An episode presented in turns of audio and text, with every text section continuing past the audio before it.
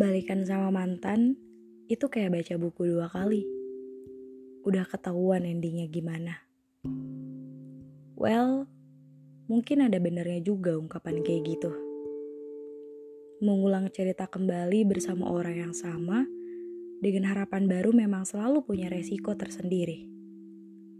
Pertama, mungkin kita akan lebih berpengalaman bagaimana menghindari kesalahan serupa. Yang kedua, mungkin seperti halnya membaca buku, karena kita sudah tahu akhir ceritanya seperti apa. Namun, hidup memang tidak melulu soal pilihan, tapi tentang bagaimana kita memilih untuk konsisten atas pilihan kita sendiri. Banyak alasan mengapa keputusan untuk balikan sama mantan jadi hal yang harus banget dipertimbangkan matang-matang. Pertama, apakah sosok dia sudah dirasa lebih baik dari sebelumnya? Kedua, apakah keduanya sama-sama sudah belajar dari kesalahan?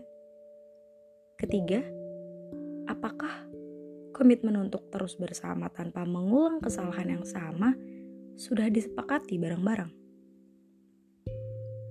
Jika semua itu terasa tidak ada perbedaan, maka alasan terkuat apa yang membuat kamu memilih balikan sama mantan?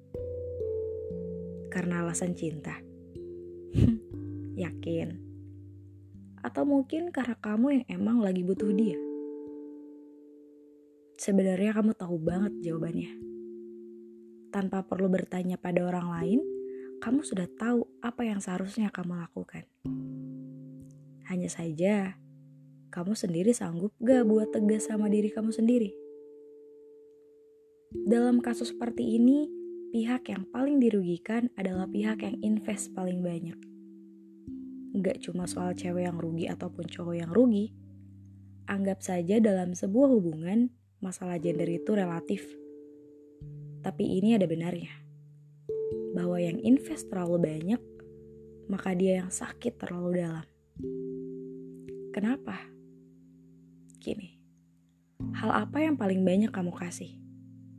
Waktu pikiran, hati, atau materi.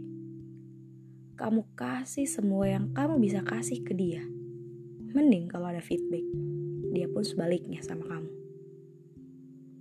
Yang namanya invest ke sesuatu itu sama kayak kita nabung ke celengan. Semakin kita banyak nabung, semakin kita yang sayang sama celengan itu. Terus celengannya gimana? Hmm, kamu tahu jawabannya. Memutuskan bersama dengan orang yang sama artinya kita juga harus lebih paham tentang karakternya. Harus lebih siap dengan segala resiko. Resiko selalu ada sih, walaupun gak balikan sama mantan juga. Pacaran sama sahabat misal. Memilih sosok yang tepat memang susah-susah gampang.